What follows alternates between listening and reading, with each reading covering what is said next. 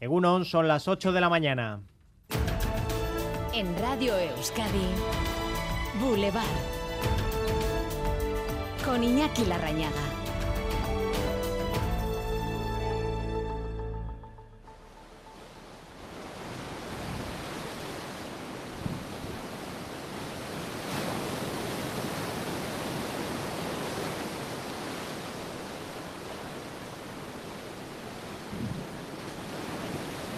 Comenzamos este 3 de agosto mirando al mar y escuchando el oleaje. Hay varios avisos amarillos, naranjas, activos en la costa que mantienen en puerto a la flota vasca. Así que primera parada en el Paseo de la Concha. David Veramendi, Gunón.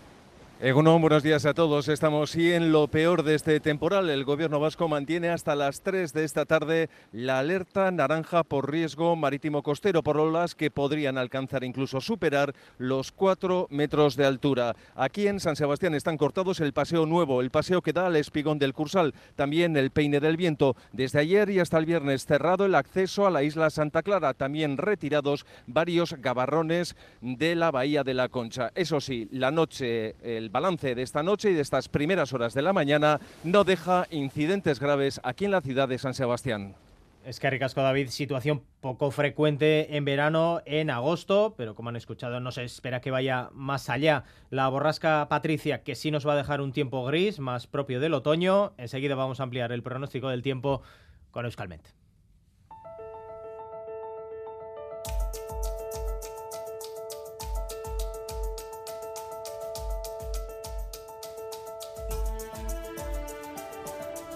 Y hoy además máxima expectación en los Estados Unidos, en Washington, ante la comparecencia del expresidente Donald Trump, ante la jueza que investiga el intento de subvertir el resultado de las presidenciales de 2020. Trump acusado de alentar el asalto al Capitolio. Iñaki Espiga. Es la tercera imputación contra el expresidente norteamericano, pero esta es sin duda la más grave. La cita a las 4 de la tarde, a las 10 de la noche aquí, ante el Tribunal Federal de Washington. Todavía no está claro si acudirá personalmente, lo decidirá el tribunal.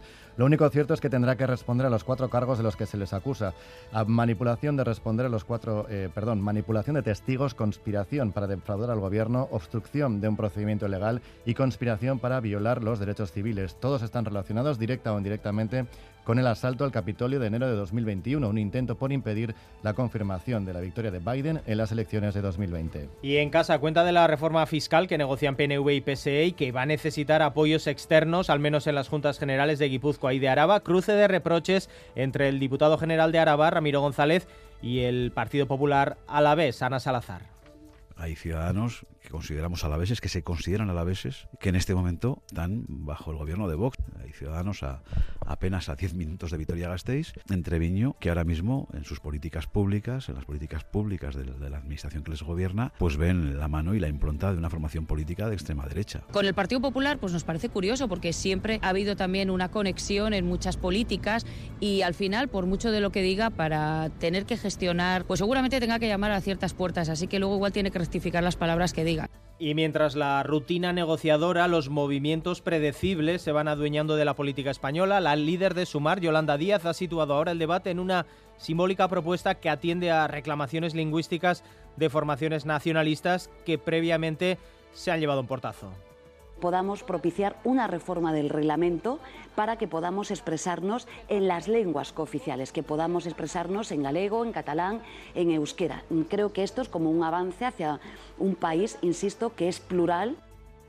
Queda por saber ahora si la propuesta está suficientemente madura y fundamentalmente si el Partido Socialista, hasta ahora reticente, pretende girar su posición dadas sus necesidades aritméticas. Nos vamos a fijar en Navarra también, donde hay novedades en la negociación con formación del nuevo gobierno. Ya hay acuerdo entre PSN y Contigo Surekin, que se va a encargar de la cartera de vivienda. Y vamos cerrando portada en Vitoria-Gasteiz, ya prácticamente en clave festiva, tras el pregón que anoche se escuchó en la Plaza Nueva, a cargo del artista Charo Arrazola. Celedón tiene 66 años. Fue un inmigrante con atillo si lo ponemos en carne y hueso, pertenece a esa masa de personas empobrecidas, las más mayores y también las más indefensas, las más pequeñas, personas solas, migradas. Pues esta mañana vamos a escuchar aquí en Boulevard de Radio Euskadi a Gorka Ortiz de Urbina, Celedón, que este año se despide, dejará paso a otro hombre o mujer.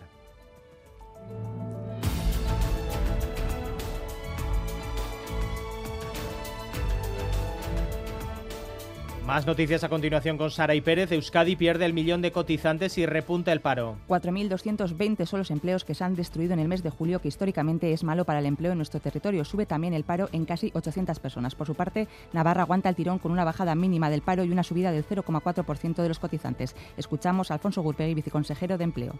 Los datos de este mes de julio son análogos a los del mismo periodo en los dos años previos a la pandemia, en los que un primer eh, semestre de intenso ritmo de creación de empleo y de reducción de paro fue seguido con un parón veraniego que fue rápidamente recuperado con una reactivación de la economía en otoño. Bermeo sale a la calle hoy para denunciar una nueva agresión machista. Los hechos ocurrieron el pasado domingo cuando una mujer denunció haber sufrido una agresión machista por parte de su pareja. El movimiento feminista de Bermeo ha convocado una concentración para hoy a las 7 de la tarde en la calle La Mera para, para denunciar esta agresión que se suma a las cuatro registradas en Bermeo durante el mes de julio. Los fuegos artificiales de Bilbao se quedan en el Parque Echevarría. Pese a las protestas de los vecinos del casco viejo por el incendio ocurrido el año pasado, los fuegos se seguirán lanzando desde el Parque Echevarría, aunque eso sí, el punto de lanzamiento se alejará unos metros. Además, el ayuntamiento ha dicho que el calibre máximo de las carcasas bajará de 175 a 125 milímetros. Y polémica en Pamplona por las joyas de la alcaldesa. EH Bildu le reclama la factura.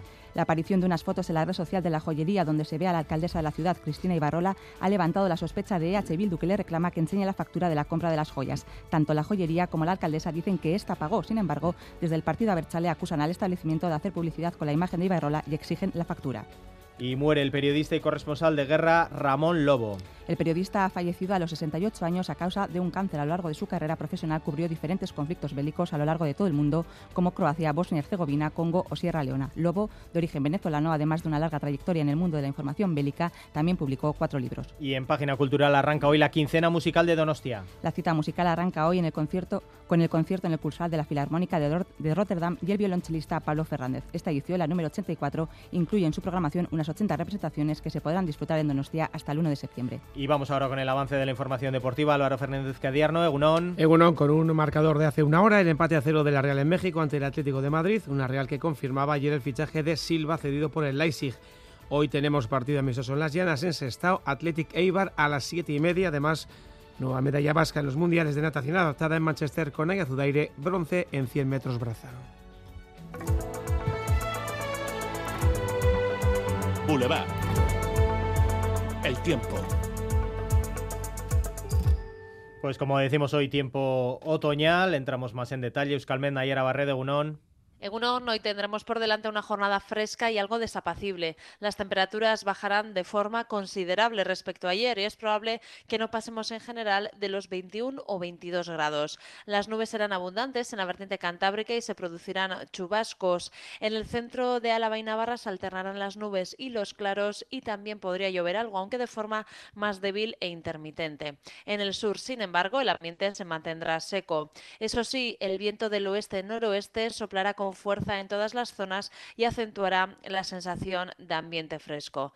Durante la noche los chubascos podrían ser más intensos, sobre todo en el este de Guipúzcoa, norte de Navarra e Iparralde.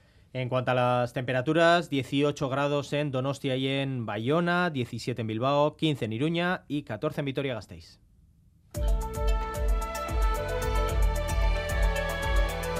Boulevard. Tráfico.